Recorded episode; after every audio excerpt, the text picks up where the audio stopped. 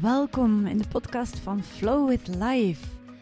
Mijn naam is Evelien van Haverbeke, blogger en auteur, maar vooral mindtrainer, waarbij ik mensen leer hoe je je manier van denken verandert door je geest te trainen.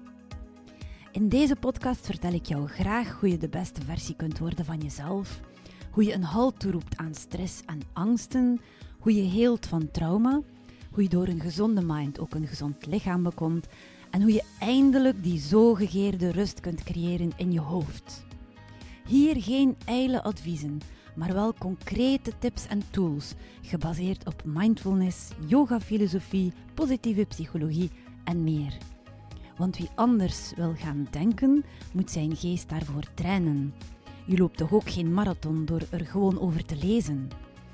Gooi dus al je zelfhulpboeken op straat, zet de goeroes op mute en luister naar wat echt werkt. Want het leven is te kort om met de tijd te blijven morsen. Spits dus je oren en flow with life.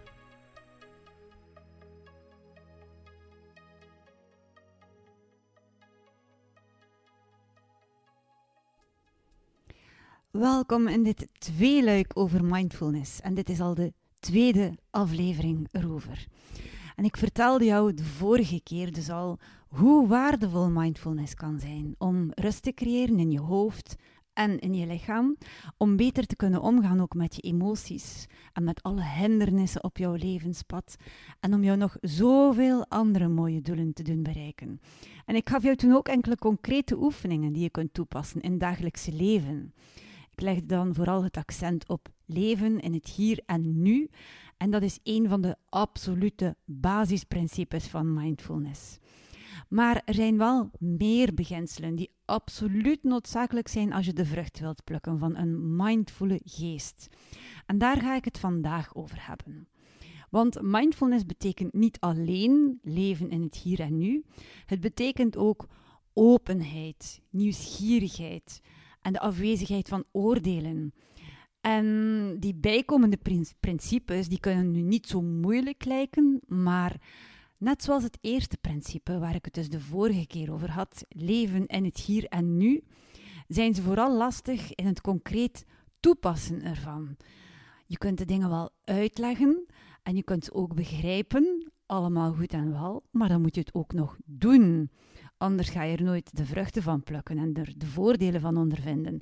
En dus zal ik in deze aflevering uitleggen wat ik precies bedoel met deze twee principes en ga ik opnieuw enkele concrete oefeningen geven. En dus kun je ook meteen aan de slag gaan ermee. Dat is toch wat telt. Om te beginnen dus openheid en nieuwsgierigheid. Die neem ik samen, die zie ik als één begrip. Waar gaat dat over? Dat is die onbevangenheid die we allemaal hadden als kind. Misschien herinner je je nog hoe je als kind voortdurend op ontdekkingstocht ging. En dat hoefde toen niet naar de andere kant van de wereld te zijn, zoals je misschien nu wel zou willen doen. Omdat je het gevoel hebt dat je hier alles gezien hebt en alles al eens gedaan hebt. En je hebt behoefte aan nieuwe ervaringen. En dan moet je heel ver weg gaan om weer nieuwe dingen te kunnen ontdekken die voor spanning kunnen zorgen in je leven en die het interessant maken. Dat is een gevoel dat veel mensen hebben. Maar als kind, dan was er niet zoveel nodig. Je had gewoon bijvoorbeeld de tuin van het huis waar je woonde. Als je een tuin had natuurlijk. En de hele wereld was eigenlijk onontgonnen terrein. Je wilde alles zien en alles weten en overal eventjes aankomen. Als kind wil je alles even aanraken en je wil alles even uitproberen. En je had een grenzeloze fantasie. Zo kon je je zonder moeite inbeelden dat je een koning was in een prachtig land. En die koning die hoefde alleen maar een wens uit te spreken en daarna werd die wens meteen gerealiseerd. Ik herinner mijzelf hoe ik samen met mijn broer hele dorpen bouwde, gewoon met papier. We maakten daarmee kronen en zwaarden en zelfs een hele outfit. Onze kleren, die waren allemaal van papier. En we gingen dan op ontdekking. En we zochten tussen de struiken en de bloemen. We vonden dan vlinders en met een netje vingen we die vlinders. En die hoorden bij ons koninkrijk, want we waren koning en koningin, of prins en prinses. Ik weet het niet meer zo precies. Maar we keken dan vol verwondering ook naar die prachtige insecten, die vlinders. Hoe die er van dichtbij uitzagen, met hun kleurenpatronen en hoe verschillend de ene vlinder was van de andere. Er was zoveel te ontdekken in de wereld. Het was een, een oneindig veld van mogelijkheden dat daar voor ons open lag. En het leek alsof we nooit genoeg zouden krijgen van die grote ontdekkingstocht. Die ons leven was. Ons leven was een grote ontdekkingstocht. Want we waren heel nieuwsgierig. We stelden ons open voor alles wat op ons afkwam. Dat is hoe je bent als kind. En ik veronderstel dat jij ook minstens enkele dingetjes hebt herkend in mijn verhaal. Zelfs al deed je misschien andere dingen, maar je zult zeker wel die ingesteldheid herkennen. Een kind dat zoveel fantasie heeft, dat zich voor alles openstelt, zo nieuwsgierig is, alles wil uitproberen en helemaal opgaat in het spel, in zijn eigen verhaal. En het leven zat toen vol wonderen en geheimen. En jij weet ook dat je als volwassene die nieuwsgierigheid voor een groot deel bent kwijtgespeeld. En eigenlijk is de treurigste uitspraak die ik ken, eentje die ik maar al te vaak hoor. Ik hoor mensen vaak zeggen: Been there, done that. En dat is zo'n uitspraak die volledig tegen de mindfulness ingaat. Want eigenlijk drukt ze elk verlangen naar open beleven de kop in openheid, nieuwsgierigheid, op je laten afkomen, wat er op je afkomt. Dat gaat niet meer als je het gevoel hebt dat je het allemaal al eens gezien hebt en allemaal al eens beleefd hebt. Been there, done that. Ik vind het een ongelooflijk treurige uitspraak. En ik vind het jammer voor de mensen die op deze manier denken. Want zodra je denkt dat je alles al eens gezien hebt of alles al eens beleefd hebt, sluit je je ook af voor schoonheid. Je laat de dingen niet meer op je afkomen. Je ontvangt ze niet meer zomaar als iets dat je nog niet kent. En op die manier verlies je heel wat mooie ervaringen. Dat is doodjammer. Want het is net die openheid die ook maakt dat een kind zo enthousiast kan zijn. Dat maakt ook dat een kind twee minuten nadat het is gevallen op zijn knie en dan de hele buurt bij elkaar heeft geschreeuwd alsof het bijna dood was, dat het dan ineens op een trampoline staat te springen. Want het heeft vanuit zijn ooghoeken, terwijl het heel hard aan het wenen was, ineens een trampoline zien staan. En dan is het luid lachend gaan lopen naar die trampoline, want het moest even uitproberen hoe dat voelde. En dan zie je het staan springen alsof er helemaal niets is gebeurd. Wij kunnen dat niet meer als volwassenen. Wij blijven hangen in die staat van verdriet als we verdriet hebben. En als we die openheid en die nieuwsgierigheid opnieuw zouden cultiveren, dan zouden we ook veel sneller alle negatieve emoties kunnen achter ons laten. Nieuwsgierigheid is een staat van laat maar komen. Ik open mezelf en ik ontvang. En het is ook door deze nieuwsgierigheid dat je je angst tot bedaren brengt. En de oefening die ik jou leerde in mijn allereerste podcastaflevering. Misschien herinner je het nog. Die techniek die ik daar heb uitgelegd en die zo succesvol is om met angsten om te gaan. Het is de sleutel voor het oplossen van je angsten, die openheid en nieuwsgierigheid naar wat er in je lichaam gebeurt. Als je die aflevering niet zou gehoord hebben, of je bent misschien vergeten hoe die techniek ging, dan kun je gerust nog eens opnieuw luisteren. Het is mijn allereerste aflevering van deze podcast.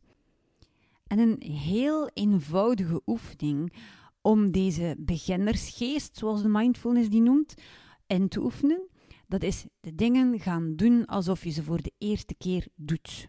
Daarom noemt de mindfulness dat ook de beginnersgeest. Het is onze automatische piloot die we moeten uitschakelen. Want er zijn heel veel dingen die je elke dag doet waarbij je niet eens meer hoeft na te denken.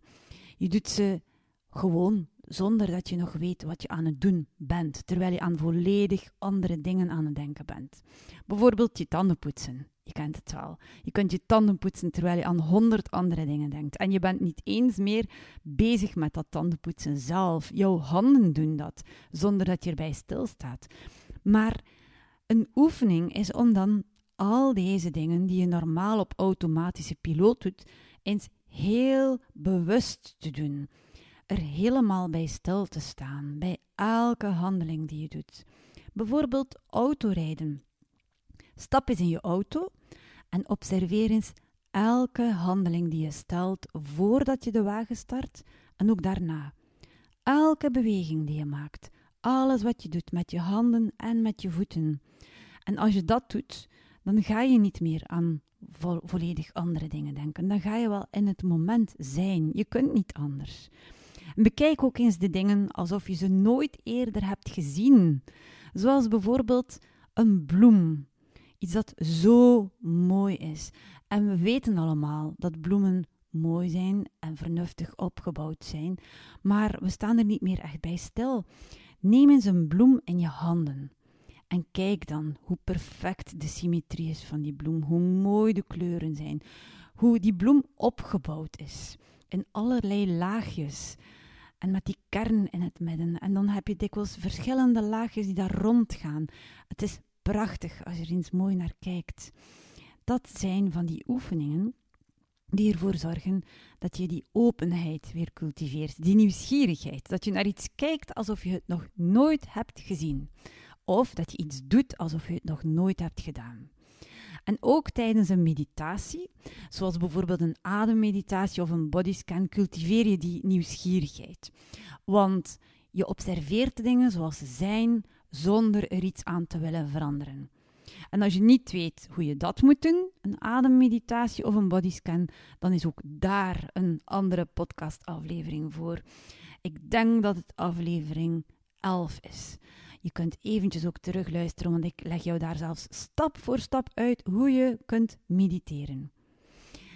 En dan is er het niet oordelen. Dat is nog een andere vaardigheid die je kunt ontwikkelen. Nog een van die basisprincipes van de mindfulness. Want oordelen, dat doen we de hele dag door. We oordelen over alles en iedereen. Telkens je ergens binnenkomt, heb je al een oordeel over de plek waar je bent. Je bent er graag of je bent er niet graag. Je vindt het er gezellig of je vindt het er kil. Het is een plek waar je graag zou wonen of waar je helemaal niet zou willen wonen. Als je mensen ontmoet, na een paar seconden heb je al een oordeel gevormd. Je vindt iemand sympathiek of je vindt die helemaal niet sympathiek. Je denkt dat iemand wel een vriend zou kunnen zijn of je denkt dat iemand nooit bevriend met jou zou kunnen zijn. We hebben ook voortdurend oordelen over onszelf. En dat is iets wat heel vaak saboterend werkt. Want het is niet altijd zo positief, dat oordeel over onszelf. We halen onszelf heel vaak neer. En het is nu eenmaal de aard van onze geest om te oordelen. Dus je zult het niet zomaar kunnen stoppen en je voornemen om nooit meer te oordelen. Dat zal niet lukken. Maar dat maakt ons wel ongelukkig. En dus moeten we er iets aan doen. En wat kunnen we er dan eigenlijk aan doen? Wel, om te beginnen moet je beseffen waarom al dat oordeel jou ongelukkig maakt. Dat is belangrijk, om dat eventjes te vatten. Als je oordeelt, dan kan het zijn dat je iets goed vindt. Je vindt het positief. Waarom maakt dat jou ongelukkig? Omdat de dingen die je goed vindt, dat je er dan ook altijd maar meer van wilt. Dat nooit genoeg zal zijn. En dat je er zo aan hecht dat je soms denkt dat je die dingen of die personen, het kan ook over personen gaan, dat je die nodig hebt om te kunnen leven. Om een waardevol leven te kunnen leiden. En als je dat gevoel hebt, dan bestaat er natuurlijk een groot gevaar. Want op het moment dat je die dingen of die personen verliest, dan ben je jezelf kwijt. Dat kan nooit de bedoeling zijn. Je kunt natuurlijk van iemand houden en het is heel mooi om van iemand te houden, maar je mag niet het gevoel hebben dat je die persoon nodig hebt als een deel van jezelf. Niemand mag een deel zijn van wie jij bent. Jij bent op jezelf helemaal volledig. En je kan dan liefdevol met iemand omgaan en die liefde ontvangen, maar dat betekent niet dat je ermee versmelt. Ook al wil je dat natuurlijk in de verliefdheidsfase het liefste doen, maar dat is nog iets anders. Maar dus dingen die we positief vinden, zorgen voor gehechtheid. En gehechtheid maakt ons vroeg of laat ongelukkig. Het kan zelfs tot verslaving leiden. Ofwel kan het zijn dat je oordeelt dat iets slecht is, dat het negatief is. En wat gebeurt er dan? U zult er ofwel proberen van weg te vluchten, maar dat is iets dat niet altijd lukt. Er zijn dingen in ons leven waar we niet van weggeraken. Je zult misschien wegkijken van iets dat je eigenlijk moet aanvaarden. En vroeg of laat komt het dan ook wel weer terug als een boemerang in je gezicht. Of je ervaart voortdurend weerstand. En die weerstand zal een weerslag hebben op hoe jij je mentaal voelt, maar ook op je lichaam. Want weerstand die je mentaal opwekt, die heeft zijn weerslag in jouw spieren, in de manier waarop jij spanning dan opbouwt in je lichaam. En als je je niet bewust bent van al dat oordelen, dan kom je terecht in een malle molen van emoties. Dan ben je voortdurend bezig met dingen die je wel wil, dingen die je niet wilt. Je gaat je hechten aan iets, je gaat je krampachtig vasthouden aan iets dat je niet wilt verliezen. Of je gaat voortdurend wegkijken of weglopen van iets dat je niet wilt in je leven. En nu heb ik net gezegd, het is onmogelijk om niet te oordelen, want het is de aard van onze geest. Je doet het helemaal vanzelf. In een fractie van een seconde heb je al een oordeel gevormd over iets. Dus tegenhouden, dat zal niet lukken. Maar we moeten er leren anders mee omgaan. Want er zijn heel veel dingen die we goed of slecht vinden, maar die er nu eenmaal zijn. We kunnen ze niet veranderen. En het gaat dan vooral over de negatieve dingen. Dat je daar moet kunnen zeggen: als ik het niet kan veranderen, dan moet ik het aanvaarden. Alles is oké zoals het is. Dat is één van die absolute basisprincipes van de mindfulness. Het is oké zoals het is. En dat betekent niet, als je zegt het is oké, dat je het positief vindt. Het gaat vaak over heel negatieve dingen dan. Maar het is oké betekent dan, ik neem het maar aan. Ik zal me erbij neerleggen. Ik zal het gewoon aanvaarden. En dan krijg je wel rust. Want die weerstand die je soms zo kunt ontwikkelen tegen dingen die je niet wilt, die zorgt alleen maar dat je ongelukkig en onrustig bent. En hoe kun je dat nu precies ook inoefenen, dat niet oordelen? Wel, door je zo vaak mogelijk bewust te zijn van je gedachten en van wat die met jou doen, wat ze teweeg brengen. Want het zijn die gedachten in je hoofd die ook zorgen dat je emoties zult krijgen. En als je je verliest in al die gedachten, in die piekergedachten vaak, en in alle bijhorende emoties, als je die niet kunt loslaten, dan ga je natuurlijk geen rust meer kennen. Dan ga je ook niet meer helder zien. Je zult niet meer kunnen kijken naar hoe je leven er werkelijk uitziet. Wat de mensen rondom jou betekenen en wat je zelf in je mars hebt. En om dat te gaan inoefenen is meditatie alweer de allerbeste techniek. Tijdens de meditatie doe je natuurlijk niets anders dan dat. Voortdurend die gedachten loslaten voor ze met jou aan de haal gaan. En op deze manier zorg je dat je rust krijgt in je hoofd. En als jij graag nog veel meer wilt weten over mindfulness, en als je ook aan je ademhaling wilt gaan werken en aan je volledige mindset, als je niet alleen rust wilt creëren in je hoofd en in je lichaam, maar ook wilt leren hoe je het verleden loslaat, hoe je zelfliefde en zelfvertrouwen ontwikkelt, hoe je compassie kunt hebben voor jezelf en voor anderen, hoe je het goud opdelft in jezelf en de allerbeste versie kunt worden van jezelf, dan kun je binnenkort weer mijn online programma volgen. Mijn online programma met de titel Word je beste zelf. Op 29 september ga ik voor de tweede keer van start met een groep enthousiastelingen. En ook jij kunt er dus nog bij zijn. Als je meer info wilt over dit programma, kijk dan zeker even op mijn website. Ik zet de link trouwens ook hier in de show notes. Oefen ondertussen al in het mindful zijn. En vergeet zeker ook dit niet. Flow with life.